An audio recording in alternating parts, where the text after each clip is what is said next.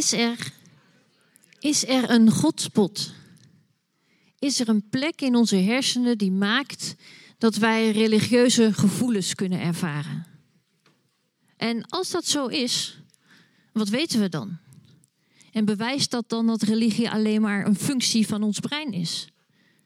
Waar zit die plek eigenlijk? Hoe komen we daaraan? En wat hebben we er nog aan in een seculiere samenleving?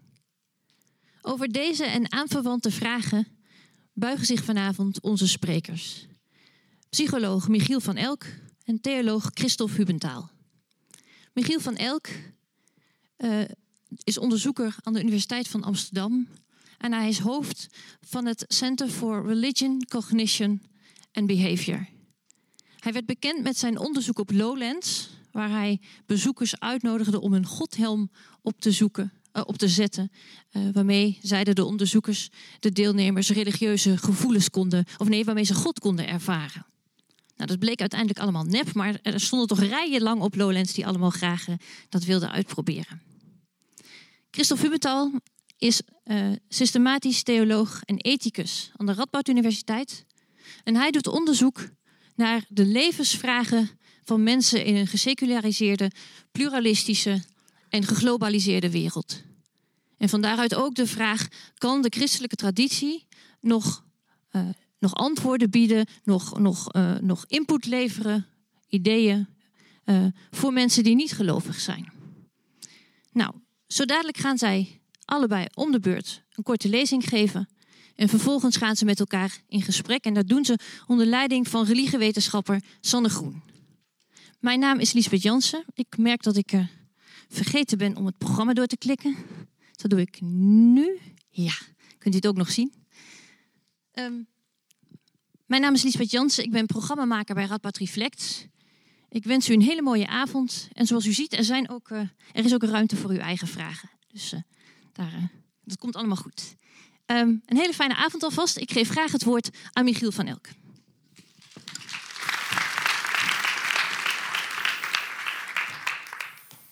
Goedenavond, dames en heren. Zit religie in je brein?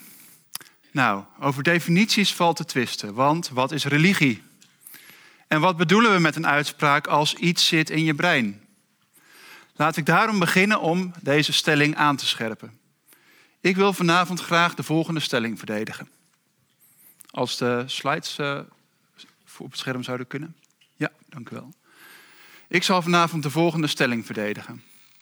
Ik zal laten zien en beargumenteren dat we op basis van onze huidige neurowetenschappelijke kennis we heel goed inzichtelijk en begrijpelijk kunnen maken hoe religieuze overtuigingen en ervaringen tot stand komen. Zo, nu kunnen we verder. Ik zal beginnen met een voorbeeld en graag neem ik u mee naar een ayahuasca-ceremonie waaraan ik deelnam. Ayahuasca is een geestverruimend middel, een soort thee wat, die gedronken wordt in uh, inheemse religies in de Amazone. En vandaag de dag zie je steeds meer mensen, ook in westerse landen, die op retraite gaan, op ayahuasca-retraite of naar een centrum gaan om aan zo'n ceremonie deel te nemen. Nou, ik was zelf al bekend met de effecten daarvan. Ik gaf tijdens mijn cursus op de Universiteit van Amsterdam aan studenten les over uh, de effecten van ayahuasca. Ik kon precies uitleggen wat er in het brein gebeurt als mensen dat stofje nemen. Ik was ook bekend met de therapeutische effecten. Het wordt tegenwoordig gebruikt bij bijvoorbeeld de behandeling van depressie of de behandeling van verslaving. Kortom, ik kon precies uitleggen hoe het werkte, maar toch voelde ik mij een buitenstaander, omdat ik niet wist hoe het was om die ervaring zelf te hebben. Ik voelde mij als het ware een ongelovige neurowetenschapper die ging uitleggen wat het is om te geloven aan een gelovige, maar die het zelf niet echt snapte. Tijd dus om de daad bij het woord te voegen. Ik toog naar het zuiden van Nederland, naar een donkere, rokerige hut, waar een sjamaan was die de ceremonie leidde. In het begin merkte ik niet zo heel veel. En ik dacht, misschien moet ik nog een kopje thee nemen, maar uiteindelijk begon het spul te werken. En er was geen houden meer aan. Op dat moment had ik letterlijk de ervaring dat mijn brein een televisie was. En dat ik een soort antenne had die ik kon afstemmen op verschillende universa. Het ene moment kon ik inzoomen op een paradijselijke wereld ergens in de Amazone met allemaal groene bomen. Het volgende moment maakte ik verbinding met Arabische architectuur en liep ik rond tussen de meest prachtige gebouwen. En even later zat ik weer midden in de harde schijf van mijn computer die thuis stond en zag ik allemaal enen en nullen om me heen. En ik dacht, Pim van Lommel heeft gelijk. We hebben een eindeloos bewustzijn. We kunnen met ons bewustzijn contact maken met dat universele bewustzijn. Er zit wat in. Wij zijn niet alleen ons brein. En die ervaring die was levensecht. Ik was ervan overtuigd dat het zo was. Net zo echt als ervaring, ervaringen die veel gelovigen hebben. Een gelovige bidt tot God en die hoort God terugspreken. En die is ervan overtuigd dat God bestaat.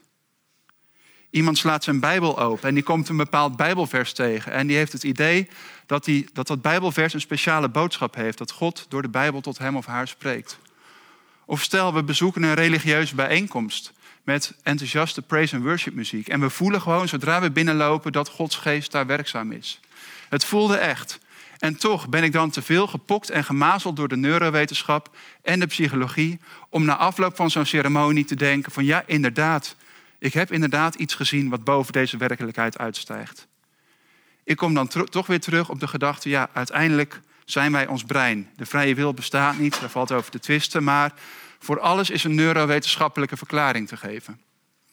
Ook voor dit soort ervaringen. En toch is het interessant dat dit soort ervaringen mensen nou, op het idee brengt dat er meer is tussen hemel en aarde. En ik heb ook veel collega-neurowetenschappers gesproken die vergelijkbare ervaringen hebben opgedaan. En die zeiden, iedere keer als ik zoiets heb meegemaakt, dan voel ik mezelf een stukje meer aangetrokken tot het dualisme. Tot het idee dat de geest losstaat van het lichaam. En dat we twee gescheiden entiteiten hebben. Dat er meer is dan dat we alleen maar kunnen zien met ongeveer tot de conclusie. Ja, uiteindelijk is er een neurowetenschappelijke verklaring voor te geven.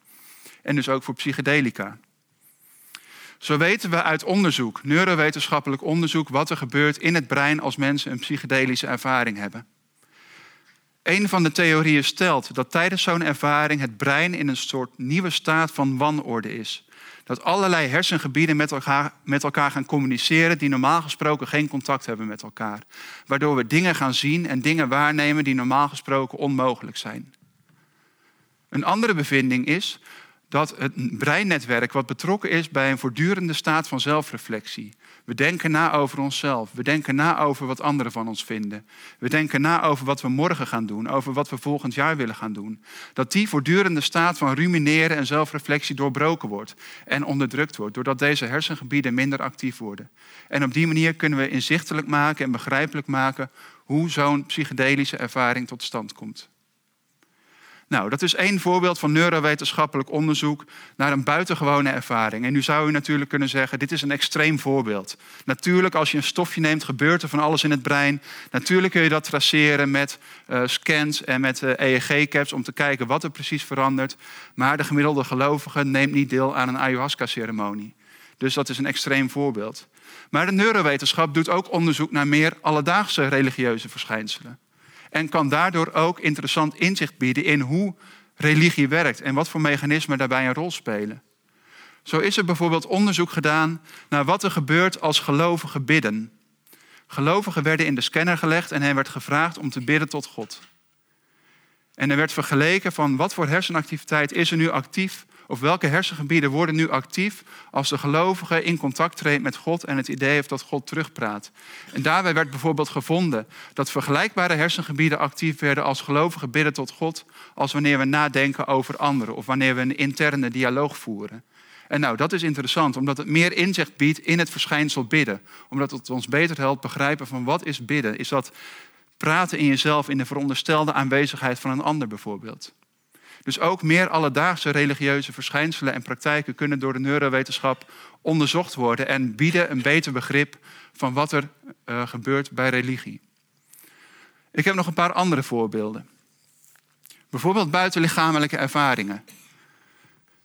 Dit is het prototypische voorbeeld van Pim van Lommel om bijvoorbeeld te laten zien dat de geest losstaat van het lichaam. Iemand die ligt in een ziekenhuisbed, die heeft het gevoel dat hij dissocieert van zijn lichaam, buiten zichzelf uitstijgt en zichzelf vanuit een extern perspectief ziet. Ik heb als neurowetenschapper een tijdje onderzoek gedaan in Zwitserland en samengewerkt met een neuroloog daar die onderzoek heeft gedaan naar dit verschijnsel. En het interessante was dat hij ontdekte dat we helemaal geen dualistisch perspectief hoeven aan te nemen om zo'n ervaring te kunnen verklaren. Wat hij namelijk liet zien is dat als we een heel specifiek gebiedje van het brein stimuleren door middel van een elektrode, dat dit soort ervaringen ook experimenteel op te wekken zijn. En dat mensen bij wie dat gebiedje gestimuleerd wordt, het gevoel hebben dat ze boven zichzelf uitzweven. Dit soort ervaringen kan zelfs in het lab uitgevoerd worden en opgewekt worden. Puur een manier om het brein voor de gek te houden. Door de zintuigen te manipuleren kan de indruk ontstaan dat je buiten jezelf zweeft. En daar is geen dualistisch perspectief voor nodig. En vergelijkbare ervaringen kunnen ook verklaard worden door de neurowetenschap. Bijvoorbeeld dat gevoel dat er iemand aanwezig is. Feeling of a presence wordt het genoemd in het Engels. Dat onbestemde gevoel dat er een onzichtbare macht of kracht aanwezig is die met je meekijkt. Ook dit gevoel is geassocieerd met stimulatie van specifieke hersengebieden en kan experimenteel opgewekt worden als je het brein stimuleert. Sterker nog, er is ook bewijs voor een causale rol van het brein bij de totstandkoming van religieuze ervaringen. Zo weten we bijvoorbeeld dat mensen die een bepaalde hersenbeschadiging hebben, een verhoogde kans hebben om hyperreligieus te worden en hyper extreem religieus gedrag te laten zien. Dus je verandert iets in de biologie en er verandert ook iets in de religiositeit. In een ander onderzoek werd gevonden dat bij mensen bij wie een uh, hersentumor verwijderd moest worden, dat ze na afloop van de operatie wat spiritueler waren geworden. En ook dat impliceert weer dat er kennelijk een causale rol is weggelegd voor het brein bij het ervaren van religiositeit en spiritualiteit. Nou, op zich is er niet eens breinstimulatie voor nodig om dit soort ervaringen op te wekken. En dat werd al, uh, er werd al aan gerefereerd bij de introductie.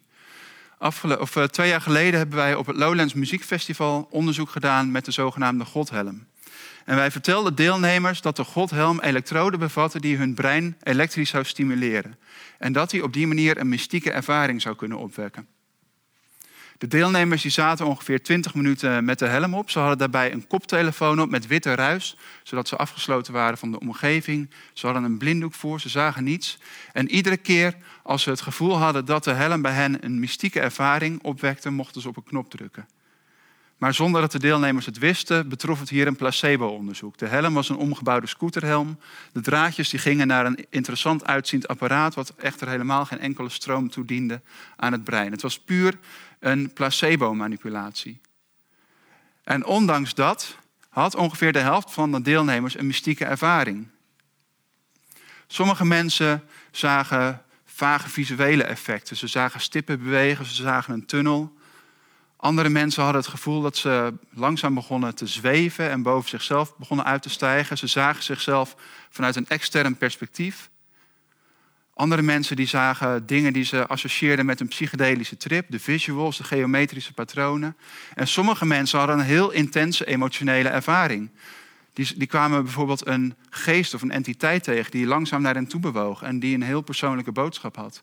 En sommige mensen die waren na afloop in tranen uh, van het experiment, omdat ze zo'n persoonlijke ervaring hadden gehad die zo'n grote impact had. Wat leren we hiervan? Nou, vanuit de psychologie zou je kunnen zeggen wat het onderzoek laat zien, is dat je door middel van suggestie en door middel van zintuigelijke deprivatie dus mystieke ervaringen kan opwekken. Als je heel sterk verwacht dat die helm voor jou in staat is om door middel van breinstimulatie een mystieke ervaring op te roepen, dan gaat dat ook gebeuren. Zeker als je zintuigen zijn afgesloten van de omgeving. In dat soort omstandigheden gaat jouw verwachting bepalen wat je ervaart. En kun je dingen gaan ervaren die overeenkomen met wat gesuggereerd is in die context. En daarnaast blijkt ook nog eens een keer dat mensen verschillen in hun gevoeligheid hiervoor.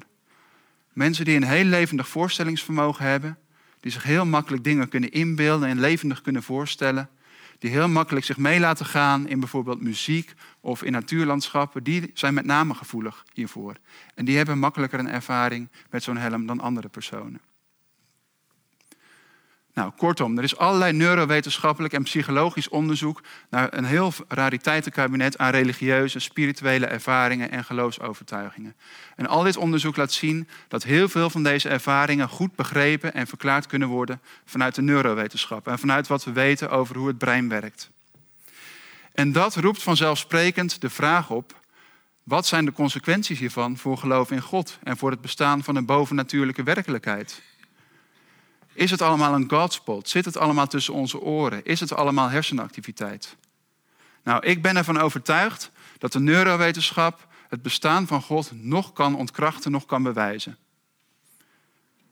Je kan namelijk heel goed zeggen van de activiteit die we zien, de neurale correlaten die we zien, zijn niet meer dan dat, correlaten. En we kunnen niks zeggen over of dat correspondeert met een externe werkelijkheid. Het zou kunnen, het zou niet kunnen. Maar bijvoorbeeld ook als we aan een geliefde denken, zien we hersengebieden oplichten. Ook als we een muziekstuk luisteren of een muziekstuk inbeelden wat, we, wat ons emotioneel raakt, dan kunnen de beloningscentra in ons brein oplichten. En dan kun je ook denken van ja, daar correspondeert uiteindelijk ook iets externs mee. En zo zou het ook met religieuze ervaringen kunnen zijn. Misschien ligt uiteindelijk God ten oorsprong aan deze ervaringen. Wie zal het zeggen? Johannes Calvijn die had het al over een sensus divinitatis, een zintuigelijk orgaan om met God in contact te kunnen treden en waarmee God ons inzichten kan geven. En wie weet, zou je als gelovige wetenschapper of als gelovige geïnteresseerde in neurowetenschappelijk onderzoek, zou je kunnen zeggen, wie weet heeft God ons wel de, ons brein gegeven op de manier zoals we het hebben, zodat we inderdaad met Hem kunnen communiceren. Dus je kan zeggen van neurowetenschap kun je interpreteren binnen een atheïstisch wereldbeeld. En dan kun je zeggen het is allemaal hersenactiviteit. Maar je kan net zo goed zeggen het past binnen een theïstisch wereldbeeld. Het sluit geloof in God niet uit. Nou denk ik dat die laatste claim, dat het compatibel is met geloof in God, te verdedigen valt, maar dat het wel vragen oproept. Interessante vragen, dus met name voor de gelovigen. En dan heb ik het met name op het gebied van of de rol die het brein, de, de causale rol van het brein bij religie en spiritualiteit. Want als je nou iets verandert in het brein en in de biologie, en dat maakt mensen geloviger, hoe zit dat dan? Is het dan een ingrijpen van God in de natuur die maakt dat mensen ontvankelijker zijn? Of stel dat je geboren wordt met een brein waardoor je minder ontvankelijk bent om religieus te worden. Een brein waarbij bepaalde netwerken misschien wat minder goed tot ontwikkeling komen. Heb je dan simpelweg pech gehad? Heeft God het dan zo voorbestemd? Dat zijn vragen die nou, vanuit theologisch perspectief interessant zijn. En ook ingewikkeld om te beantwoorden. En dat brengt mij bij het volgende punt. Waar hebben we het over als we het over religie hebben? Want het roept wel allerlei vragen op, maar tegelijkertijd bestaat het gevaar in neurowetenschappelijk onderzoek dat religie wordt platgeslagen tot een heel simpel iets. Religie is geloof in God en dat kunnen we in het brein lokaliseren. Nou, niks is minder waar, want religie is een complex verschijnsel en heeft betrekking op alle aspecten van het menselijk leven. Van de geboorte tot de dood. Van religieuze rituelen tot kerkelijke dogma's. Van extatische ervaringen tot hele intieme persoonlijke contactmoment met God tijdens stil gebed of tijdens meditatie. En William James was een van de grondleggers van de psychologie. En hij heeft een boek volgeschreven over religieuze ervaringen, The Varieties of Religious Experience. En hierin beschrijft hij eigenlijk een heel breed scala aan allerlei type ervaringen. En het is interessant om zeg maar, dat onderscheid in gedachten te houden. Dat we moeten zeggen van ja, er is niet één ervaring en die vindt plaats in de Godspot. Nee, er zijn allerlei type ervaringen en de ene ervaring is de andere niet. En het ene geloof is het andere geloof niet. Er zijn heel veel verschillen. Uh, dus bijvoorbeeld een religieus visioen van de Maagd Maria is weer iets heel anders dan bidden met God. Is weer iets heel anders dan een mystieke ervaring. Maar wel voor elk van die ervaringen kunnen we een verklaring geven over wat er gebeurt in het brein. En kunnen we een neurowetenschappelijk model schetsen van hoe zo'n ervaring tot stand komt in het brein en door het brein. Maar niet alleen in en door het brein, want wij zijn meer dan ons brein. We hebben namelijk ook een lichaam. En dat lichaam is ingebed in een omgeving, functioneert in een bepaalde omgeving. En religieuze ervaringen spelen zich niet alleen af in ons brein, maar ons hele lichaam is daarbij betrokken. En ook de context waarin zich dat afspeelt, speelt een belangrijke rol. Dus bijvoorbeeld, als ik geknield zou liggen in een moskee of in een kerk, dan zou dat een gepaste omgeving zijn. En dan zou ik een ervaring kunnen hebben van gepaste devotie en onderwerping aan God. Terwijl als ik hier in deze zaal geknield zou gaan liggen, zou dat heel ongepast zijn. Die houding zou niet passen bij deze omgeving. Dus dat geeft aan van religieuze ervaringen zijn altijd ingebed in, onze, in een bepaalde context. En in de psychologie wordt wel gesproken van belichaamde en gesitueerde cognitie.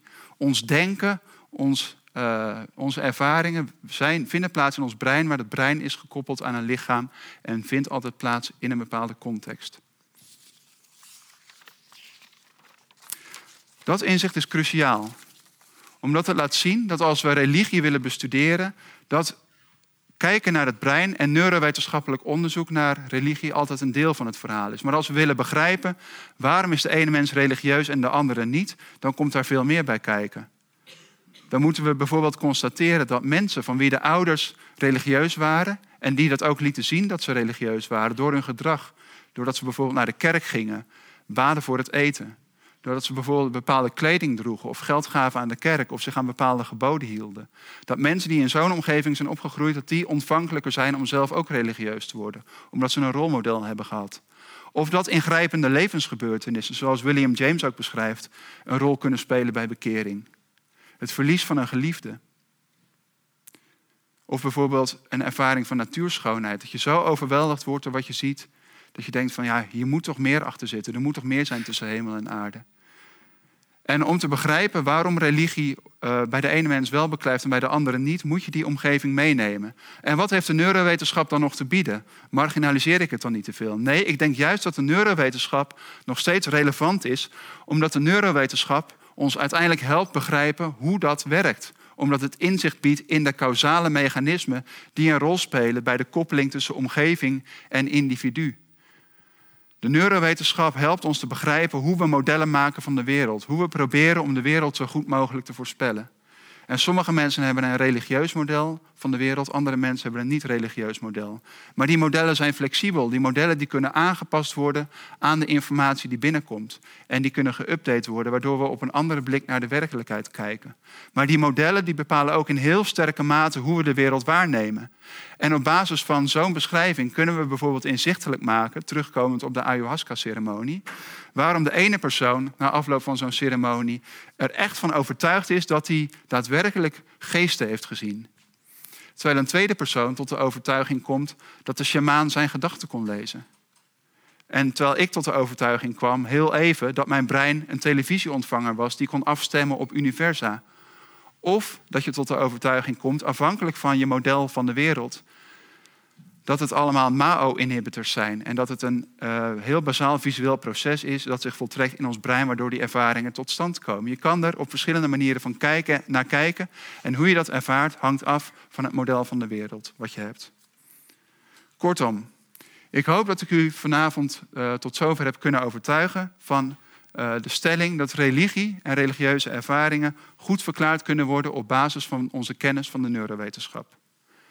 Ik heb betoogd dat deze verklaringen compatibel zijn met zowel geloof in God als met atheïsme.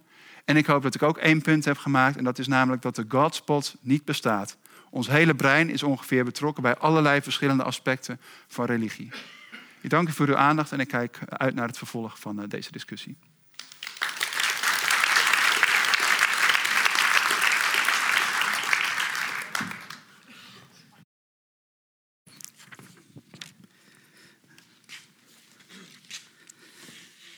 Ja, dames en heren, misschien moet ik met een beleidenis beginnen.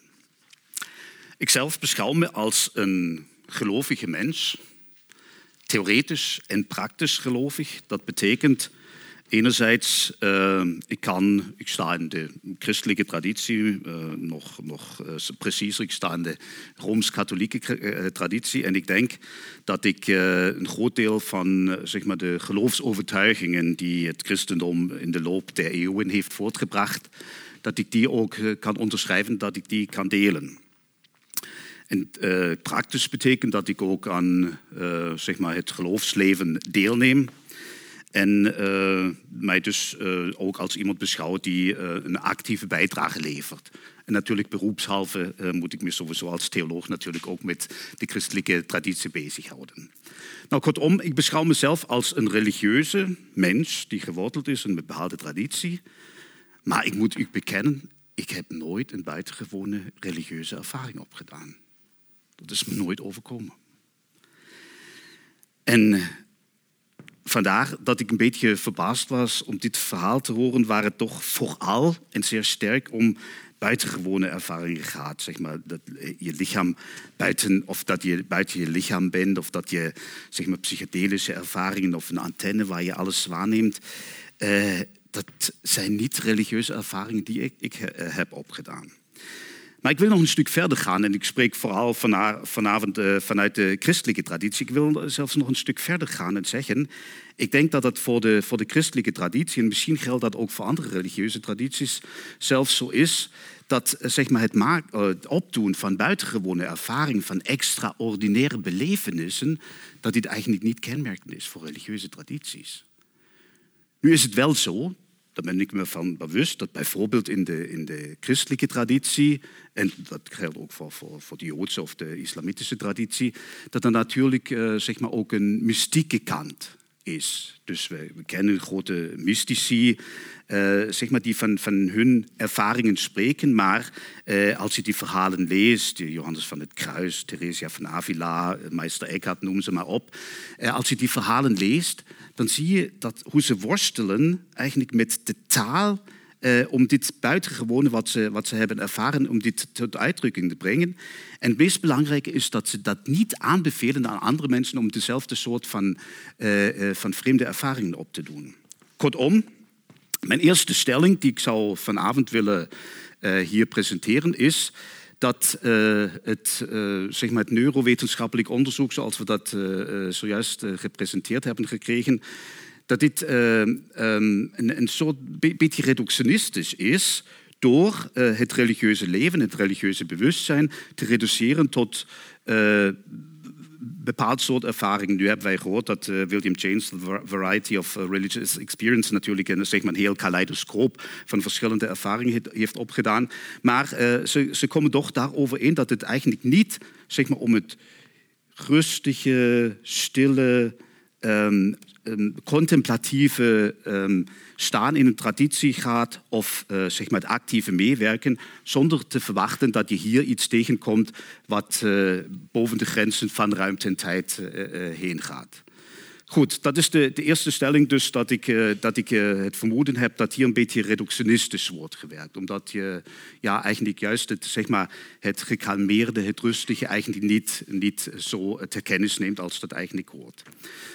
Maar ik wil, staat u mij daartoe, daar ben ik ook voor gevraagd vanavond, uh, dat ik nog een paar andere kritische eh, stellingen wil verdedigen. Namelijk, nog drie andere komen erbij. Ik zou ook willen zeggen dat, um, dat neuropsychologisch hersenonderzoek, zoals we dat net gepresenteerd hebben gekregen, dat het in zekere zin ook triviaal is.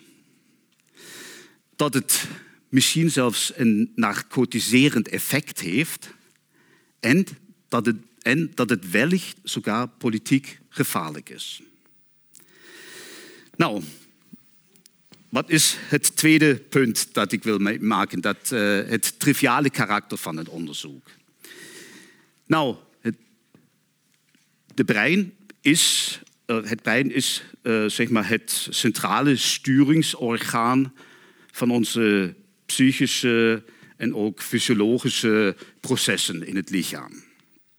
Vandaar kan het niet verbazen dat als mensen bepaalde dingen meemaken, bepaalde dingen ervaren, bepaalde dingen beleven, eh, dat we daar ook iets terugzien in het brein. Dat is een correspondentie tussen twee fenomenen uh, die mij vanzelfsprekend lijkt te zijn. Uh, neemt u, zeg maar, om, om, te illustreren waarom ik vind dat dat, althans voor mij, misschien uh, hoor ik vanavond nog, nog goede argumenten dat ik mijn, mijn positie verander, maar waarom dat voor mij eigenlijk een triviaal verhaal is, stel dat we het over religieuze rituelen hebben. Nou, dan is het ook vanzelfsprekend dat het lichaam op de een of andere manier bij betrokken is. Nou, als we dan zeggen, zeg maar, religie religieuze rituelen hebben, uh, hebben, altijd een weerspiegeling in het lichamelijke, ja, dan zeggen wij eigenlijk ook iets wat, vrij triviaal is.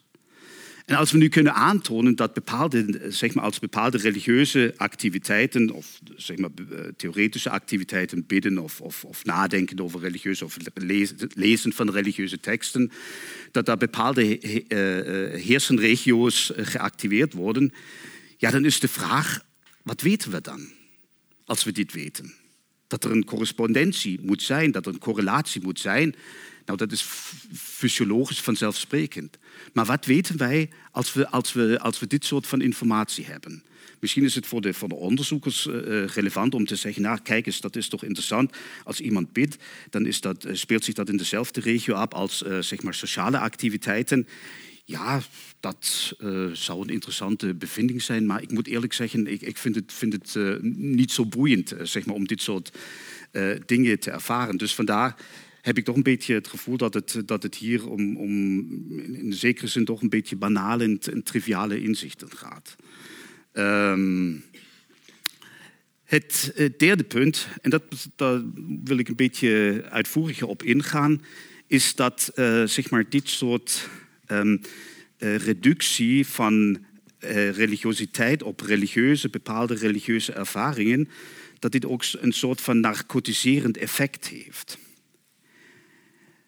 Het laat ons namelijk zeg maar, op zoek gaan, als, als we zeg maar, op zoek zijn naar, naar een bepaalde vorm van spiritualiteit, uh, laat ons op zoek gaan naar het maken van buitengewone ervaringen. En dat zijn dan ervaringen waar we ons goed bij voelen, waar, we dan lekker in ons vel zitten.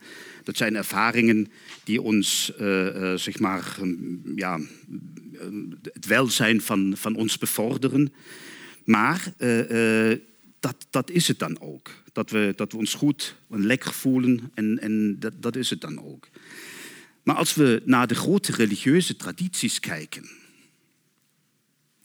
dan moeten we toch zeggen dat in die tradities eigenlijk een poging werd gedaan om antwoorden te geven op de grote theoretische en praktische levensvragen waarmee mensen worstelen. Misschien kan ik dat illustreren aan de drie grote wereldfilosofische vragen, zoals Kant die eens uh, heeft geïntroduceerd. Dat is de vraag, wat kan ik weten? Dat is de vraag, wat moet ik doen, wat behoor ik te doen? En dat is de vraag, wat mag ik, hopen? En mijn stelling is dat de grote wereldreligies en misschien ook filosofische tradities een poging hebben gedaan om een antwoord te geven op deze vragen. Ze hebben dat uitgespitst uh, nog andere vragen. Denkt u aan vragen zoals: um, waarom is er überhaupt iets en niet veel eer iets en niets? Dat is de grote vraag van, van Leibniz geweest. Heidegger heeft die weer opgenomen. Of de vraag: um, wat is eigenlijk de betekenis van mijn leven? Wat is de zin van mijn leven? Is er überhaupt een zin? Of de vraag, heeft de wereld, het heelal, de mensheid als zodanig, heeft die een bepaald heeft die bepaalde betekenis, heeft die, heeft een bepaalde bestemming? Dat zijn de grote vragen. Of denkt u aan de praktische vragen, de concrete vraag, wat behoor ik te doen of wat behoren wij te doen? Daar hebben religieuze tradities een antwoord op gegeven. Of de althans voor mij als ethicus ook de, de meest uh, uh, urgente vraag. Uh, is er zoiets als een ultieme rechtvaardigheid? Worden de tranen van de mensen, als we naar de geschiedenis kijken, al dat leed wat we, wat we zien, de, de onrechtvaardigheden, is er ooit zoiets als een ultieme rechtvaardigheid waar dit alles wordt goedgemaakt? Dat zijn vragen waarop religieuze tradities een antwoord wilden geven. De antwoorden zijn heel divers, zijn heel uiteenlopend. En vandaar, daar kom ik uh, straks op terug, uh, dat we ook, uh, zeg maar, een, mm, zoals ik denk, een publiek discours omtrent dit soort kwesties moeten, moeten gaan voeren. Maar ehm, wat we niet mogen doen, om, weer terug te komen op, de thematiek vanavond, wat we niet mogen doen is religie te reduceren tot iets wat in het hier en nu ons een beetje ja, beter maakt of dat we beter het welzijn bevordert, uh, dat we goede gevoelens hebben, dat we lekker in ons vel zitten. Als religie hierop gereduceerd wordt, um, dan, ja, dan zijn er functionele equivalenten, zou je kunnen zeggen. Dat kun je ook door drugs of uh, door mooie sociale uh, relaties of zoiets kun je ook ervoor zorgen dat je, dat je goed voelt. daar heb je geen religie voor nodig. Kortom, als we religie reduceren tot het maken van, van, goede ervaringen, dan doen we niet recht aan de claim van religieuze tradities die ze zelf hebben, namelijk antwoorden te geven op de grote vragen die we hebben en waarmee we worstelen. En als we daar niet meer mee worstelen, als dat niet meer onze vragen zijn, nou, dan, heeft dat, uh, dan kom ik dan op het, uh, op het laatste punt waar, ik het over wil hebben. Dan heeft dat uh, volgens mij toch zwaarwegende politieke effecten. Dus um, nog een keer, de derde stelling was dus dat zeg maar dit soort van religieuze reductie een narcotiserend effect heeft. En de laatste stelling die ik dan heb is de, stelling dat dit misschien ook politiek gevaarlijk is. Nou, waarom zeg ik dat? Um, als religie gereduceerd wordt op iets, zeg maar op een welzijnsfactor, uh, dan leidt het ertoe dat we de grote vragen die ik, waar ik het net over had, dat we die ook in het publiek niet meer gaan stellen. Dat we dus iedereen voor zichzelf zeg maar, op zoek gaat naar uh, vindplaatsen waar hij of zij mooie ervaringen kan opdoen. En waar dan onze zoektocht, het verlangen naar, naar welzijn bevredigd wordt. Maar wat, wat we dan niet doen, is nog zeg maar, een eh, publieke uh, discussie te hebben over dit soort vragen. En volgens mij zijn wij inmiddels in zo'n tijd beland waar dat niet meer het geval is. Religie is naar het privé-domein verschoven en ik denk mede dankzij dit soort van onderzoek naar het privé-domein verschoven. Kijk maar waar je mooie ervaringen kunt opdoen en, en, doe dat dan. En uh, daarmee is het, uh, zeg maar het, uh, politieke en, en, maatschappelijk debat eigenlijk verarmd, zou je kunnen zeggen omdat we het niet meer hebben, hebben over, over die grote vragen die de mensheid eigenlijk van, van begin af aan eigenlijk heeft bezig gehouden. En volgens mij is het belangrijk dat wij in het publieke debat zeg maar, juist die antwoorden die door de verschillende religieuze tradities zijn gegeven. En u weet allemaal dat, uh, dat niet het christendom één antwoord heeft gegeven en het hindoeïsme één antwoord heeft gegeven. Dat is natuurlijk zeer divers en uiteenlopend. Uh, maar dat we die, die, verschillende antwoorden die er zijn, publiekelijk ook thematiseren om een, een, openbare strijd daarover te voeren. Welk van die antwoorden goed zijn en welke antwoorden misschien niet deugen. En dat leidt ons, dat leidt ertoe dat we een publiek debat hebben omtrent die, goede om, om, om, omtrent die vragen. Uh, die, wat, dan ook uh, zeg maar als, als effect heeft dat de enkeling uh, in staat is om zelf een verantwoorde keuze, een verantwoorde beslissing te maken wat voor hem of haar belangrijk is. En dat hoeft dan niet noodzakelijk een religieus antwoord te zijn. Dat kan ook niet religieus antwoord zijn, maar het is een gekwalificeerd antwoord die de enkeling uh, uh, zichzelf geeft. En als wij, mede dankzij dit soort beeld van religie wat hier geschetst werd, uh, religie helemaal naar het privédomein verschuiven en het hier laten, dan dreigt het gevaar dat we, zeg maar, de enkeling zeer manipuleerbaar is. Want dan gaat het alleen maar daarom wie heeft het mooiste aanbod om de mensen gelukkig te maken. En dat is juist wat we niet willen. Vandaar dat ik denk dat zeg maar, de presentatie van religie door het onderzoek wat we net hebben gezien, dat dit ook een politieke gevaar bergt, met zich meebrengt, uh, die, um, ja, die, we, die we niet over het hoofd moeten zien. Vandaar dat ik tot slot van mijn kort verhaal een oproep wil starten aan de vrienden en de verachters van religie onder u. Laat u zich niet op het gladijs voeren, vandaag past dat heel goed. Uh, en uh, zeg maar, laat u zich niet vertellen dat religie alleen maar mooie ervaringen zijn. Of misschien ook niet zo mooie ervaringen, daar kunnen wij het straks nog over hebben in de discussie, uh, maar dat religie op ervaringen gereduceerd wordt. Volgens mij moeten wij, daar spreek ik natuurlijk als theoloog, moeten we serieus nemen dat de substantie van religieuze tradities iets is wat met het mens zijn als zodanig samenhangt. Dat hier een poging is gedaan om belangrijke vragen die ons bezighouden, die ons als mensen bezighouden, om die te beantwoorden. Vandaar laat u zich niet vertellen dat religie alleen maar dit is, maar kijkt u naar religie en zelfs als u sceptisch bent, als u, als u overtuigde atheïst bent, neemt u religie serieus, want ze hebben iets te vertellen. En als u daar niet in gelooft, dan moet u dan ook de strijd aangaan en laten zien waarom ze niet deugen. Maar laten we dat publiekelijk doen, laten we dat gezamenlijk doen.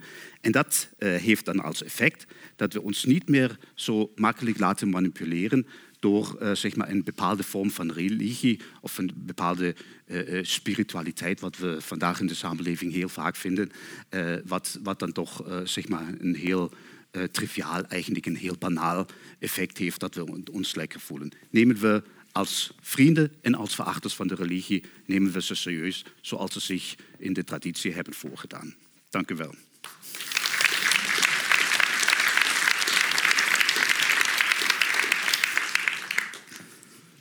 Ja. Uitnodigen. Neem plaats.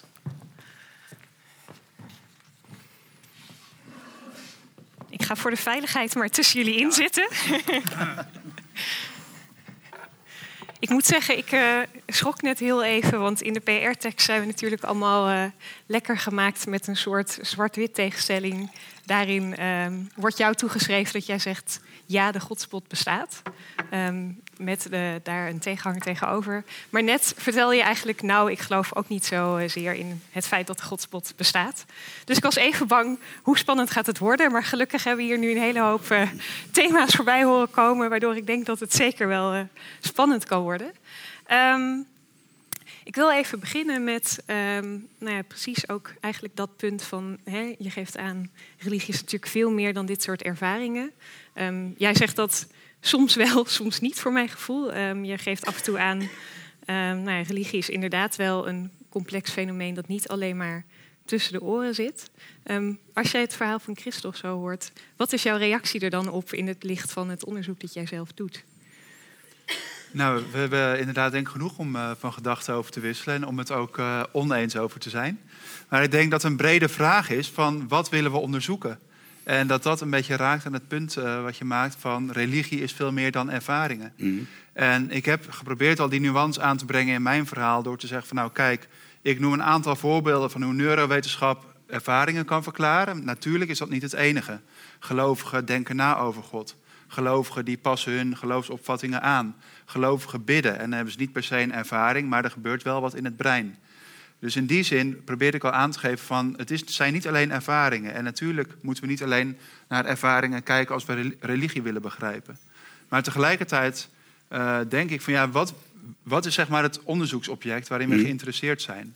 En dan uh, kwam er bij mij een onderscheid boven, wat volgens mij in dit opzicht wel relevant is, namelijk een meer individuele benadering van religie, zoals William James hiervoor staat, die een soort definitie geeft waarin hij zegt van de ervaringen, gevoelens, overtuigingen en handelingen van de mens in zoverre hij zichzelf ziet als staande in relatie tot wat hij ook maar als het hogere beschouwt.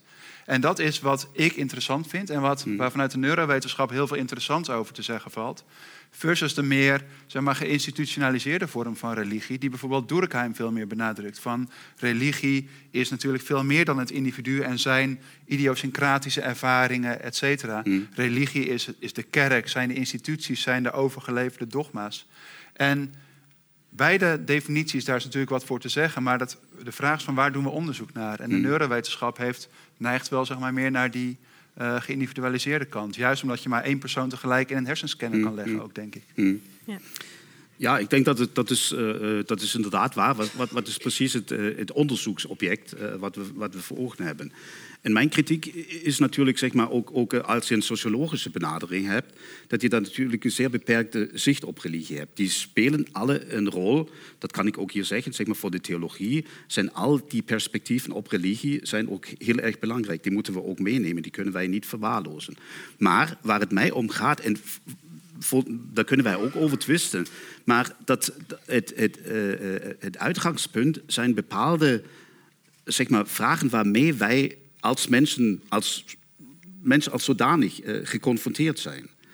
En uh, hier, hiermee te worstelen, daar heeft, speelt religie een belangrijke functie. Ik denk dat uh, filosofie bijvoorbeeld net, net zo'n belangrijke functie speelt. Maar dat is eigenlijk waar, waar, het ons onmiddellijk aangaat. om, om ja, dus waar het ons onmiddellijk raakt. En ik denk dat je ook hierover, zeg maar, dat het niet alleen maar een, individuele subjectieve benadering is, dat ook hier door uh, het scholen van bepaalde reflexieve methodieken enzovoorts, dat het ook mogelijk is ook hierover zeg maar, uh, objectieve dingen te kunnen zeggen. En dat zeg maar in dit verband ook het fenomeen religie kan moeten worden gezien. Dus we kunnen, dat geef ik onmiddellijk toe, dat we verschillende benaderingen naar het onderzoeksobject kunnen, kunnen hanteren, dat, dat is duidelijk. Maar mijn stelling zou zijn dat er ook één uh, zeg maar, perspectief is die het dichtst bij onszelf staat. En dat die dan zeg maar, ook uh, het vertrekpunt moet zijn waarin die andere perspectieven die er ook min of meer waardevol zijn, waar die eh, geïntegreerd moeten worden. Dan zou je wel, dan ga ik jou even verdedigen, zou je kunnen zeggen van hè, die, uh, die intense ervaringen waarvan jij zegt, nou dat hoeft niet per se een onderdeel te zijn van hmm. religie, maar zou dat wel kunnen helpen bij het zoeken naar antwoorden op die grote vragen? Ja, eerlijk gezegd, eh, volgens mij eerder niet. Uh, want ze, ze, leiden eigenlijk af van. Ik, ik, wil niet, dus zeg maar, ik wil ook niet hier verkeerd begrepen worden.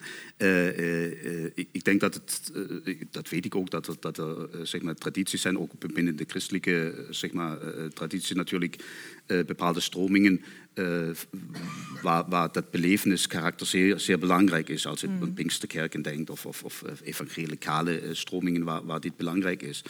Um, daar, dat waardeer ik ook, dat, uh, dat is belangrijk. Maar, maar ik denk dat het, dat het een beetje afleidt zeg maar, van dat van dat, van dat rustige, dat, dat we naar onszelf kijken. En dan natuurlijk niet uit uh, zeg maar in, de, in, in, in, individualistische zin, maar altijd zeg maar, onszelf, naar onszelf kijken in relatie tot anderen en misschien ook naar de niet-menselijke natuur eh, enzovoorts. Maar dat dit, dat dit eigenlijk het, het, centrale perspectief is. En als, als we religie reduceren, um, wat, wat, ik vaak ook in religiewetenschappelijk onderzoek uh, zie, re, re, religie reduceren tot iets wat we kunnen observeren, wat we op, op dat in de brein is of, of, of rituelen als antropologen observeren, zijn dat nut uh, of belangrijke perspectieven. Die, die, maar, maar het is niet wat, wat eigenlijk uh, zeg maar het, het, centrale benadering is, of waar religie eigenlijk hun eigen rol zien. Ja. ja. Hebben we wel iets aan dit soort onderzoek?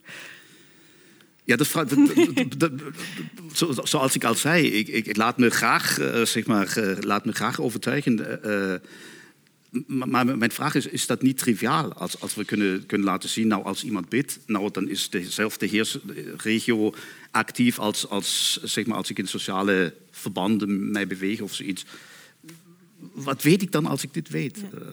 ik was er nou, ook wel benieuwd naar, want jij zegt inderdaad van we kunnen uh, met dit onderzoek dat soort ervaringen verklaren. Maar in hoeverre is het een verklaring en niet alleen maar we kunnen aanwijzen dat er ergens iets gebeurt? Nou ja, dan is de vraag van wat vraag je van een verklaring?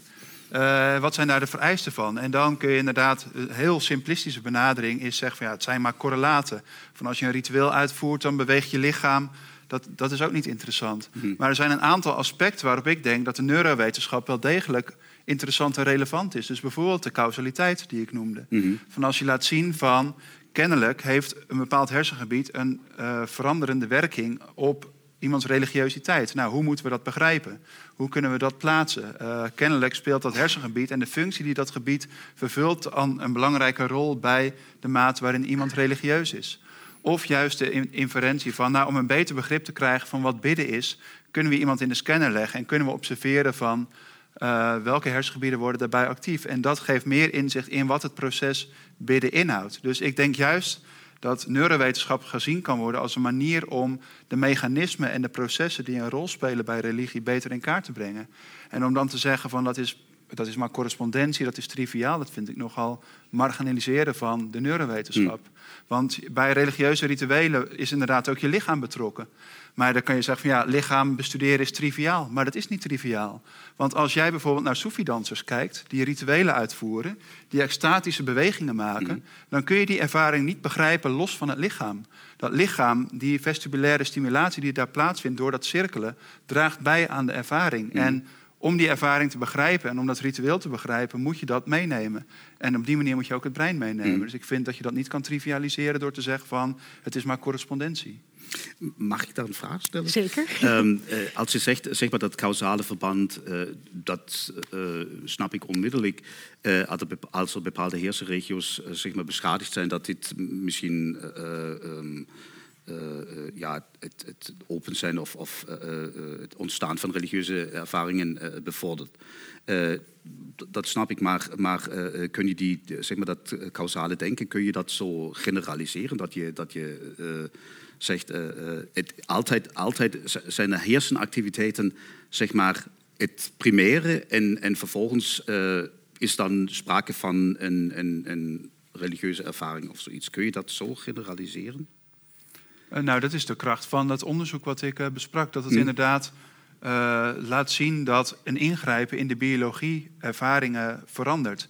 En mensen bijvoorbeeld na zo'n hersenoperatie eh, ineens wat spiritueler in het leven staan. Of Mhm. mensen na een infarct in één keer hyperreligieus worden. En die causaliteit is moeilijk eh, andersom te zien. Dat religie uiteindelijk... Ja, Nee, nee, dat, dat snap ik. Zeg maar. Ja. in, in deze gevallen dat, dat de causaliteit omgedraaid kan worden, dat snap ik. Maar of het te, te generaliseren valt.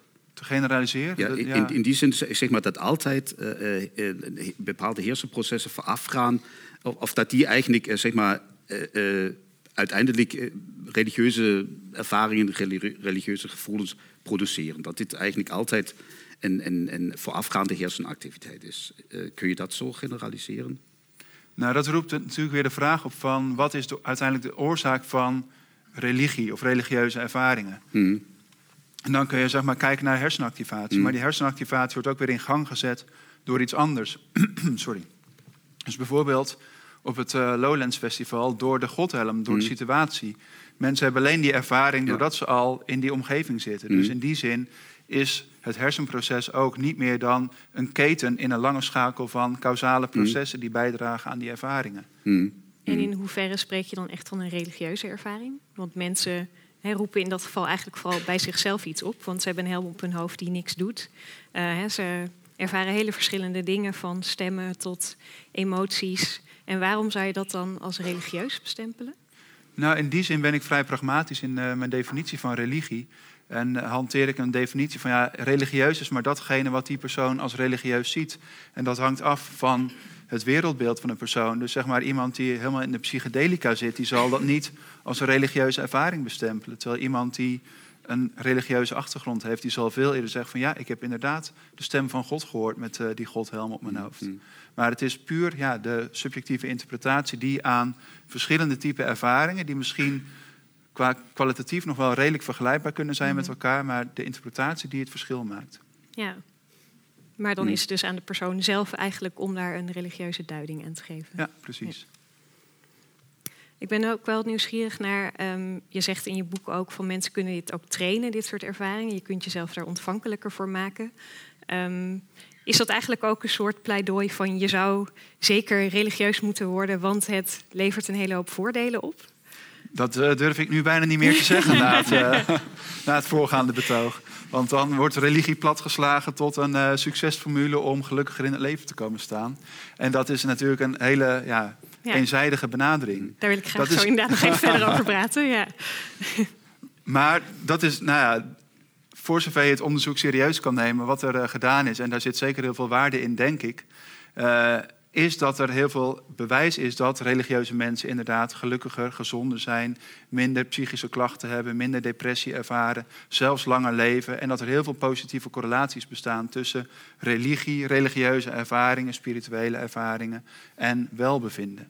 En dat neigt natuurlijk een beetje naar een Amerikaans succesevangelie van word allemaal religieus, ga allemaal je spirituele ervaring najagen, want op die manier leid je uiteindelijk een beter leven, leef je langer en eh, ben je gelukkiger.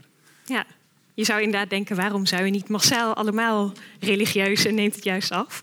Um, waar ik heel benieuwd naar ben, Christophe, in hoeverre denk jij dat je die keuze kunt maken? Dat je kunt besluiten van, hè, bijvoorbeeld, ik ervaar een hele hoop angstige gevoelens, ik hoor hele goede verhalen over dat wat mensen religie noemen, hmm. dat ga ik doen, want dat helpt mij. Is dat een keuze die je zo bewust zou kunnen maken, om met die motieven?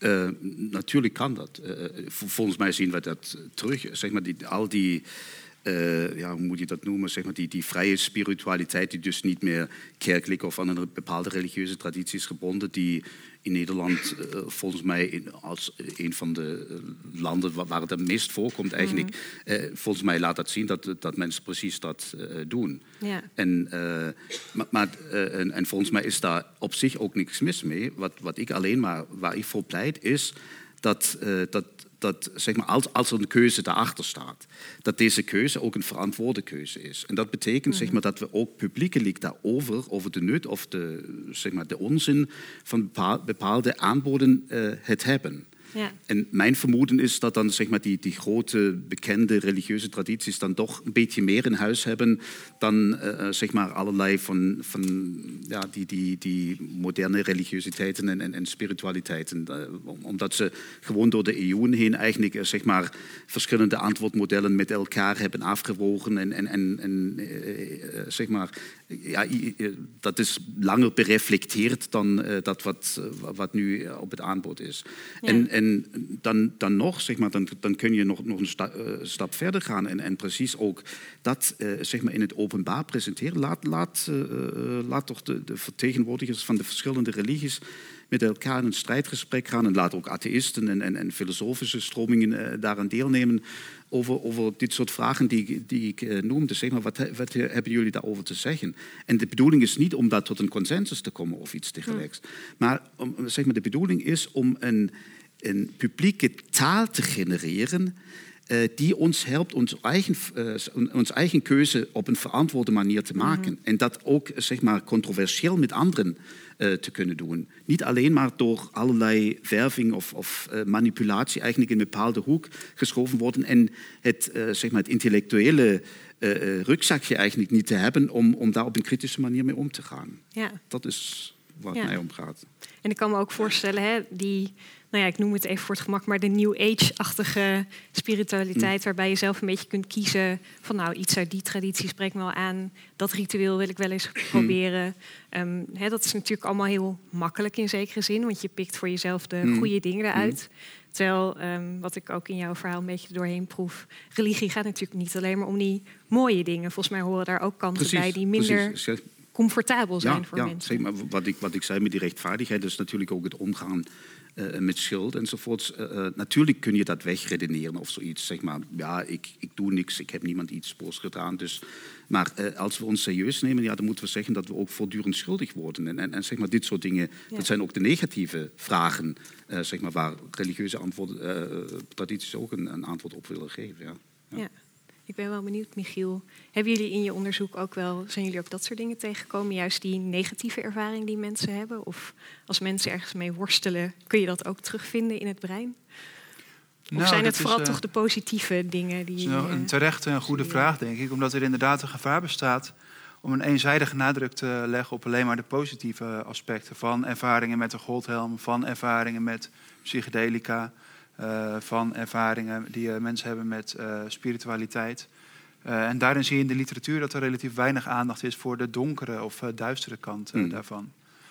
dus dat is inderdaad een onderbelicht aspect. Met de godhelm hebben bijvoorbeeld mensen maar relatief weinig echt slechte ervaringen gehad. Hmm. Mensen waren eerder teleurgesteld of gefrustreerd dat het eigenlijk helemaal niet deed wat ze gehoopt hadden.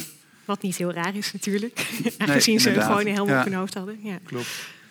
Maar uh, nee, dat zijn we niet veel tegengekomen. Je ziet bijvoorbeeld wel, uh, dat is zeg maar wel iets wat bijvoorbeeld onderzocht kan worden in het brein. Wat er gebeurt als je bijvoorbeeld kijkt naar een mooi natuurlandschap. Uh, wat eigenlijk zo mooi is, of de kleuren zijn zo intens dat je erdoor overweldigd raakt. Of je ziet een berglandschap, waardoor je even juist jezelf klein gaat voelen. En misschien is het zelfs wel bedreigend op een bepaalde hmm. manier. En dat valt wel in kaart te brengen. En dat is een uh, nou, ervaring die zeg maar in beide aspecten een beetje heeft. De schoonheid, een esthetische ervaring, maar ook iets bedreigends, iets imponerends. Een mhm. gevoel van ontzag, van iets wat boven jezelf uitstijgt. En dat is Ja. wel iets wat ook weer onderzocht kan worden. Van wat gebeurt er dan in het brein en wat karakteriseert nou die ervaring? Wat is daar nou de essentie van in termen van de processen die, daar, die zich daarbij afspelen? Ja. Eh, ik heb nog wel een eh, reactie op eh, zeg maar het eh, voorgaande wat jij vertelde. Dat zeg maar, zo'n zoektocht eh, gestimuleerd moet worden, een debat gestimuleerd moet worden. Eh, en tegelijkertijd denk ik van ja, is het niet zo dat mensen vandaag de dag helemaal niet zo zitten te wachten op een intellectueel debat over existentiële vragen van wat is de zin van het leven, maar juist door de tijdsgeest waarin we leven ervaringsgericht zijn. Mhm. En dat het niet meer dan een logisch gevolg is dat mensen die antwoorden niet meer zoeken in traditionele kerken, in lange of oude tra- religieuze tradities, maar zelf op zoek gaan. Mhm. En eh, nou, dat brengt me ook weer terug bij het eh, eerste punt wat u maakte. Van religieuze ervaringen zijn eerder de uitzondering dan de regel. Van de meeste gelovigen hebben helemaal niet die ervaring. Eh, dat vraag ik me af. Ik vraag me af of juist ervaring niet heel centraal is voor religie. William Mm. James die maakte dat punt al. Van, om religie te begrijpen kun je kijken naar gelovigen die het van horen zeggen hebben. Maar om het echt te begrijpen moet je onderzoek doen naar de mensen die zelf die ervaring hebben gehad. Juist door naar de extreme gevallen te kijken, krijg je inzicht in hoe de menselijke geest werkt. Maar bijvoorbeeld ook als je kijkt naar het christendom in Amerika, de grootste stroming daar is het evangelicalisme. Mhm. Waar een extreem charismatische beleving van het geloof centraal staat. Mhm. Dus dan moet je toch constateren van... er is een heel sterke hang, niet per se naar grote antwoorden... of existentiële vragen, eh, of naar vragen over rechtvaardigheid... maar er is een hang om te ervaren of God bestaat... Mm. en om daar eh, antwoorden op te vinden. Mhm. Dat vind ik een heel te- te- terechte opmerking. Je hebt daar ook eh, mee geworsteld. Maar dat is natuurlijk een beetje zo'n kip-en-ei verhaal. Ehm, je zou kunnen zeggen, en mijn vermoeden is ook... dat juist die religieuze stromingen zeg maar, in, eh, in het centrum van het, van het kapitalisme eigenlijk zijn opgekomen. Of dat niet ook een wisselwerking is. Zeg maar dat juist dit soort eh eh, eh, belevenisgeoriënteerde religieuze stromingen eigenlijk ook, omdat ze juist niet meer die grote vragen stellen, eigenlijk ook een beetje affirmatief ten opzichte van, van, zeg maar van de huidige economie, van het neoliberale denken zijn. En op dit moment, zeg maar, als we dit publiek debat zouden voeren over ehm, zeg maar, wat betekenisvol is, in, in ons leven. Ehm, zoals gezegd, dan zouden we geen consensus eh, krijgen. Maar volgens mij krijgen we daar heel snel een consensus dat bepaalde dingen niet belangrijk zijn. Bijvoorbeeld zeg maar, dat consumptiegedrag of dat overgeseksualiseerde of dit soort dingen. Dus ik denk dat, dat zo'n discours ook een heel sterk maatschappijkritisch impact zou hebben. En eh, dat juist daarom ook zeg maar, een interesse bestaat om religie meer zeg maar, naar die belevenisgeoriënteerde kant te schuiven, omdat, is, omdat dit eigenlijk een systeemstabiliserend effect heeft. Maar of daar soci- sociologische evidentie is, dat, eh, dat weet ik niet. Dat eh, zou men moeten onderzoeken. Ja, Ja, en de vraag is of het tijd te keren is, überhaupt. Of dat zeg maar, die markteconomie van religie als het ware gewoon doorzet. En dat is iets waar je ja, je moeilijk tegen kan verzetten. Die hang naar ervaring. En de zoektocht naar zeg maar, de meest interessante of de meest extatische ervaring. Maar, neem je je dan als mens echt nog serieus als je dit soort vragen verwaarloost en alleen maar op zoek gaat naar, naar dit soort. En denk je dat mensen dat soort ervaringen dan vooral in de religie zoeken? Want hey, we zien ook festiva- festivals worden steeds populairder. Mensen willen massaal bungee jumpen, eh, drugs proberen. Denk je dat daar überhaupt een relatie is met religie? Of zijn we dan vooral op zoek naar intensiteit Mhm. op wat voor vlak dan ook? Ja, maar uiteindelijk ook zingeving. En in die zin is het inderdaad goed om oog te hebben dat eh, nou, die zoektocht veel breder is. En dat religie één aspect is, maar dat mensen dat al lang niet meer binnen religie zoeken. Maar ik zou een festivalervaring bijna als een, ja, willen vergelijken met een religieuze ervaring die mensen hebben bij een charismatische bijeenkomst. Dat zijn dezelfde processen. En mensen die zoeken daar eenzelfde gevoel in van even boven het alledaagse uitgetild worden. Een gevoel van verbondenheid met je naaste. En weer even een soort van nieuw perspectief op de wereld en een Mm. nieuw perspectief. En dat is minder groots dan, ik snap nu de zin van het leven, maar het is wel een soort van nieuwe horizon waaraan mensen zich weer even kunnen oriënteren en dan aan het eind van de zomer weer in hun kantoorbaan stappen en denken van, nou ja, ik, heb, eh, ik kan er weer even tegenaan, zeg maar. Maar is dat ook niet precies het verschil met eh, de religieuze ervaring, waarbij dit een onderdeel is van een heel kader wat eigenlijk door jouw hele leven heen loopt. Terwijl dit een momentopname is en je gaat daarna weer door met de rest van je gewone leven? Ik zal zelf nog een stuk verder gaan. Natuurlijk, zeg maar, uh, uh, dit soort ervaringen, zeg maar bij een festival of, of uh, als je naar muziek luistert, esthetische ervaringen of dit soort dingen, die ken ik natuurlijk ook. Maar, zeg maar, zelfs als je die serieus neemt, denk ik nog, roept dat toch vragen op die verder gaan. Nou, waarom voel ik me op dit moment gelukkig? Maar dat, waarom zeg maar, is, dat, is dat voor andere mensen niet, niet, niet mogelijk? Of is er zoiets als, als, als een toestand, of, of ja, hoe moet je dat noemen, toestand, eh, waar zeg maar, dat geluksgevoel ja, niet meer ophoudt of zoiets. Zeg maar, zo'n geborgenheid, dat het niet alleen maar een momentopname is, uh, maar dat het, dat het iets is wat, wat, wat, wat duurzaam is. En, en, wat niet alleen maar voor mij, maar wat, wat ook voor anderen. Dus zelfs dit soort positieve ervaringen, ervaringen die, die, die, die ik uh, heel uh, hoog waardeer, of ne negatieve ervaringen, hetzelfde zeg maar, dat, dat je dat hij toch, dat hij daar, als je als mens serieus neemt, toch nog, nog, nog, nog een stap verder moet gaan. Ik weet niet of ik te, te, dat te intellectualistisch benader of zoiets, maar je kunt toch niet blijven staan, alleen maar uh, het is mooi en, en, en that's it. Dat, uh, de, mens heeft toch nog een, een, drive in zichzelf om, om nog, nog, nog verder te, te, gaan en verder te vragen en ja, zichzelf beter te verstaan. Ja, en daar, maar daar wordt wel degelijk onderzoek naar gedaan ook. En dat brengt, om het weer even terug te brengen naar uh, zeg maar, neurowetenschappelijk en psychologisch onderzoek naar religie. We, hebben het nu vooral over ervaringen, maar er is ook een hele tak van wetenschap die zich bezighoudt met uh, de existentiële vragen. Dus mhm. bijvoorbeeld de terror management theorie in de psychologie, die onderzoek doet van hoe reageren mensen als ze nadenken over de dood. Mhm. En ze moeten reflecteren op wat gebeurt er als ik doodga? Hmm. En dat roept allerlei ja, defensiemechanismen op, als het ware, om die doodsangst, om daarmee goed om te kunnen gaan. Hmm. En daarmee biedt de psychologie en ook de neurowetenschap toch ook weer interessant inzicht in hoe dat nou precies werkt. Bijvoorbeeld door atheïsten in de scanner te leggen en hen te vragen van... Uh, probeer nu eens uit, uitdagende gedachten over God te hebben, dat God niet bestaat. En als atheïsten gevraagd wordt om allerlei ja, blasfemische gedachten te activeren, dan zie je dat de angstgebieden actief worden. Dat is dan mm. één bevinding die op die manier de media in is gegaan. Mm, mm. En dan is de conclusie die daaraan verbonden wordt van nou, als atheïsten zelfs moeten nadenken over het feit dat God niet bestaat, zelfs bij hun roept dat zekere mate van angst op. Dus ook dan kun je weer zeggen van ja, uiteindelijk kunnen we daarmee inzicht krijgen in wat voor processen daarbij een rol spelen. Of bijvoorbeeld wat voor mechanismen mensen gebruiken om zich te beschermen tegen die doodsangst. En dat mm. kan van alles zijn. Dat kan een uh, religie zijn, maar dat kan ook een ander wereldbeeld zijn. Dus in, religie is ook maar weer één oplossing voor die existentiële vraag. Maar mm. mensen kunnen ook humanist zijn of mensen kunnen veganist worden en daar heel veel betekenis in vinden. Dat hoeft niet per se religieus te zijn, mm. maar het zijn allemaal vormen van wereldbeelden die antwoorden geven op vragen, een leefstijl bieden, uh, een sociale gemeenschap vaak bieden. En dat zijn allemaal aspecten die daarbij een rol spelen. Dus ik zie dat in veel opzichten.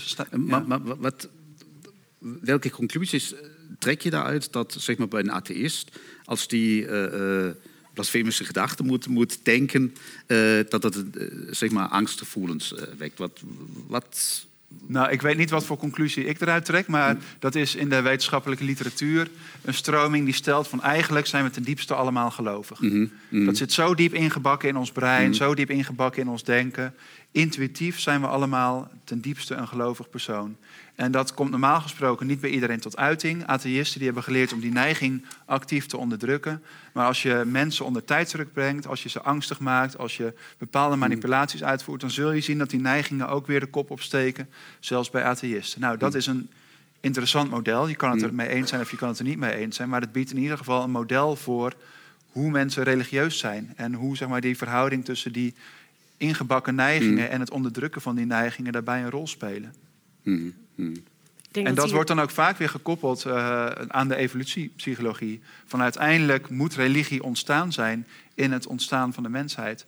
En moet daar een evolutionair plausibel verhaal te geven zijn over hoe het kan dat religie zo wijd verspreid is. En een mhm. van de ideeën is dus dat er in de evolutie geselecteerd is op een brein wat het mogelijk maakte om te geloven. Mm ik denk dat hier natuurlijk tussendoor ook steeds een beetje discussie speelt van wat is dan precies gelovig. Want hè, op het moment dat we dat onderdrukken, is het er nog steeds. Maar nou ja, misschien is het ook wel een kwestie van handelen daar ook naar. Um, waar ik even ook nog op in wil haken, dat past op zich wel een beetje bij dit thema. Um, tegenwoordig wordt religie natuurlijk lang niet altijd op een positieve manier neergezet. En associëren mensen religie toch vaak ook met conflict, geweld. Hoe kijk je daar tegenaan? Hoe kan het dat juist dat aspect zo benadrukt wordt? Als jij, mm. jij ziet ook juist heel veel goede kant van we hebben het nodig mm. voor allerlei vragen. Um, ja, hoe, waar is het fout gegaan? Ja, ik, ik denk dat er zijn er natuurlijk uh, zeg maar een hele hoop uh, theorieën die, die, we, die we serieus moeten nemen. Die zeggen uh, op dit moment, als met name de monotheïstische religies ontstaan zijn, zijn er natuurlijk ook sterke waarheidsclaims ontstaan. Nou, onze God is, is de enig ware God. Uh, en, en, alles andere is, is, is, verkeerd. En zeg maar, op dit moment, als je die sterke claims hebt en, die dan ook op een lichamelijke manier verdedigt, zou, je, zou je inderdaad kunnen zeggen zeg maar, dat een sterk godsgeloof, met name dan monotheïstisch geloof, natuurlijk een bron van geweld is. En, en ik denk, die, die, dit soort theorie, theorieën moet je, moet je wel serieus nemen. Alleen, zeg maar, wat ik, mijn, mijn zeg maar, idee van, van, uh, van religie en van, van dit soort van maatschappelijk debat, uh, gaat het inderdaad darum ook waarheidsclaims te verdedigen. Maar tegelijkertijd natuurlijk altijd zich bewust van te zijn dat, dat waarheidsclaim, elke waarheidsclaim valibel is. Dus die kan, zeg maar, door in, het, in het licht van betere argumenten, van andere argumenten, kan die, kan die mm. bijgesteld worden. Ja. En mijn idee, zeg maar, is dan dat, dat ook de atheïst, zeg maar, geen angst meer hoeft te hebben om zich tot zijn atheïstische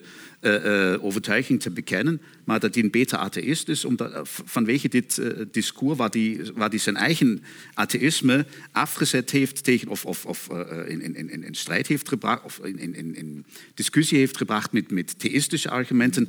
En omdat hij, hij voor zichzelf dat allemaal heeft ontkracht, is hij nu een beter atheïst. En als hij dan in de scanner ligt, hoeft hij geen, geen, angst meer, geen angstgevoel meer te ontwikkelen. Werkt dat zo, denk je, Michiel? Ik heb er een hard hoofd in.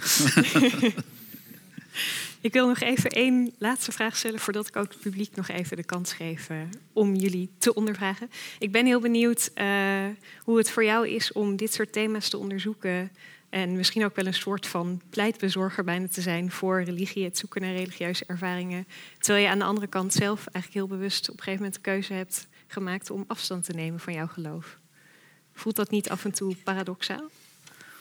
Poeh, wat een persoonlijke vraag. um, nou, nee, in die, nee. Uh, maar het, het, geeft wel een soort van vervlochtenheid aan van uh, zeg maar, de persoonlijke ontwikkeling die ik heb doorgemaakt mm. en de onderzoeksontwikkeling die ik doormaak. En dat, ja, ik vind het, ik doe onderzoek naar een onderwerp wat mij persoonlijk boeit. En ik zie zeg maar, mijn persoonlijke ontwikkeling als, niet als een eindpunt, maar iets wat doorgaat en als een zoektocht. En uh, tegelijkertijd is het fantastisch om daar dan ook uh, onderzoek naar te mogen doen. Maar of ik mezelf als pleitbezorger zie voor het nastreven van religieuze ervaringen, het is uh, nou, misschien wel. Op het einde van, van het boek uh, zou je wel de indruk wel op, kunnen krijgen. Ja. Ja. Ja. Maar ik begreep net uh, voor het programma in de coulissen al dat dat ook afhankelijk is van uh, de context en het moment. Ja, inderdaad. Hoe, hoe extreem jij ergens jezelf neerzet. Nou, Nee, want ik denk dat ik er sowieso wel vrij genuanceerd over denk. Zoals ik ook wel aangaf in het verhaal. Van het is niet alleen maar hersenactiviteit. Er speelt van alles een rol bij. Religie is een complex verschijnsel. Maar ik blijf keer op keer terugkomen nou, dat, ik het, dat het gewoon een ultiem fascinerend iets is waar je niet omheen kan. En veel mensen vragen mij wel van hoe ben je op dit onderzoeksterrein terechtgekomen? Mm. En dan heb ik het inderdaad over mijn religieuze ervaringen die ik als kind heb gehad in een charismatische kerk waar ik ben opgegroeid. En dan kun je zeggen van ja, dat zijn excessen, dat is niet uh, de, de, normale werking. Maar ik was bijvoorbeeld afgelopen zomer op vakantie in Georgië. En ik maakte een prachtige bergwandeling door uh, uh, ja, hele hoge berglandschappen. Maar op een gegeven moment werd ik ziek. En dat, ik werd niet beter. En ik werd op een duur zo beroerd dat ik naar een dokter ging in een bergdorpje. Om er even aan te geven van waar mijn fascinatie voor religie keer op keer weer bevestigd wordt. Ik ging naar die dokter en die zei van, nou, dat is niet best, u heeft uitdrogingsverschijnselen. Ik werd meteen op een ziekenhuisbed gelegd en ik kreeg een infuus. En niet veel later kwam die dokter naar mij terug. En die zei van, ja, don't worry, don't worry. Yesterday a woman died in this room. And now, don't worry, but the family will come to do a small, small ritual. En ik lag daar. En toen kwam er een hele Georgische familie binnen. Met kaarsjes en met een fles wodka. En met een levende haan, een levende haan aan een touw. En ik lag daar op dat ziekenhuisbed. Ik was niet aan het hallucineren. Maar zij, voor, zij voerden daar een religieus ritueel uit. Waarbij die haan door de ziekenhuiskamer heen vloog. De veren stoven alle kanten op. Ze bleven zingen en ze brachten uiteindelijk een toast uit met de wodka. Een religieus ritueel om de ziel van die overleden vrouw een goed heenkomen te geven. Nou, dat is in de middle of nowhere, op de grens ergens tussen Georgië en Rusland. Religie is overal en je komt overal fascinerende voorbeelden tegen. Die het Ja. waard maken om onderzoek naar te doen en om te begrijpen hoe komen mensen erbij om zo'n ritueel uit te voeren. Wat biedt dat mensen? En Ja. eh, nou, mijn fascinatie die blijft dus doorgaan, zowel professioneel als eh, op persoonlijk vlak. En misschien ook, hè, wat in jouw boek af en toe eh, ook terugkomt, toeval. Waar we misschien een verklaring voor willen zoeken. Ik kan me voorstellen op zo'n moment dat je ook denkt... ik lig hier niet voor niks, misschien. Waarom overkomt mij dit en niet iemand anders? Misschien komt dat nog. Goed, dankjewel. Dan eh, wil ik hiermee afsluiten. En ik begin met eh, natuurlijk onze sprekers heel hartelijk te danken voor deze interessante bijdrage. Ik denk genoeg stof om over verder te praten. Graag gedaan.